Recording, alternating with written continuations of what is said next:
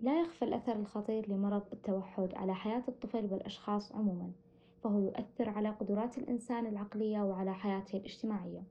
بحلقة اليوم حنتكلم بشكل موجز عن مرض التوحد. حنتكلم عن خمس محاور.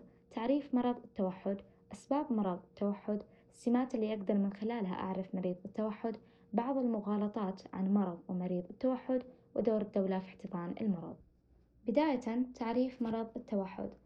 هناك عدة تعريفات لمرض التوحد. حنقتصر على واحد منهم اللي يعرف التوحد بأنه اضطراب النمو العصبي اللي يتصف بضعف التفاعل الاجتماعي والتواصل اللفظي وغير اللفظي وأنماط سلوكية مقيدة ومتكررة.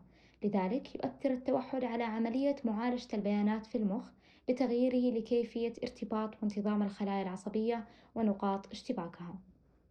فيما يخص أسباب مرض التوحد لازم ننوه بالبداية على أنه مسببات مرض التوحد مو معروفة على وجه التأكيد بسبب تعدد آراء الباحثين فيها.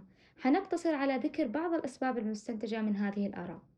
أولا هناك أساس وراثي وقوي للتوحد لأنه عدد كبير من حالات التوحد قد ترجع إلى أسباب جينية وراثية وليست موروثة أي أن الطفرة اللي تسبب التوحد مو موجودة في جينات الأبوين موجودة في جينات الأجداد أو الأجداد اللي أعلى ثانيا تغذية الأم أثناء الحمل والالتهابات أثناء الحمل تؤثر على النمو العصبي للجنين بالتالي ممكن تكون سبب للتوحد. أيضا هناك أدلة تشير إلى أن سبب مرض التوحد هو اختلال التشابك العصبي.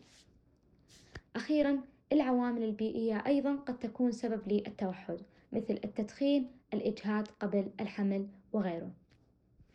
المحور الثالث السمات اللي تمكننا من معرفة مريض التوحد.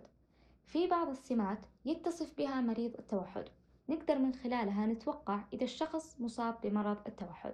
من هذه السمات لما تتم مناداته باسمه ما يستجيب وكثيرا ما يبدو أنه لا يسمع محدثه.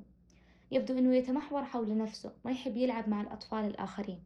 لما يبغى شيء يقيم اتصال بصري لكن لا يطيل الاتصال البصري. من ناحية النطق فهو لا يتمكن منه إلا في سن متأخرة مقارنة بباقي الأطفال.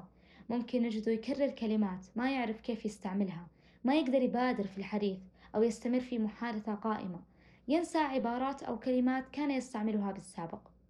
أيضا قد نجد مريض التوحد يتحدث بصوت غريب أو نبرات مختلفة فنجده يتكلم بصوت غنائي أو صوت رجل آلي.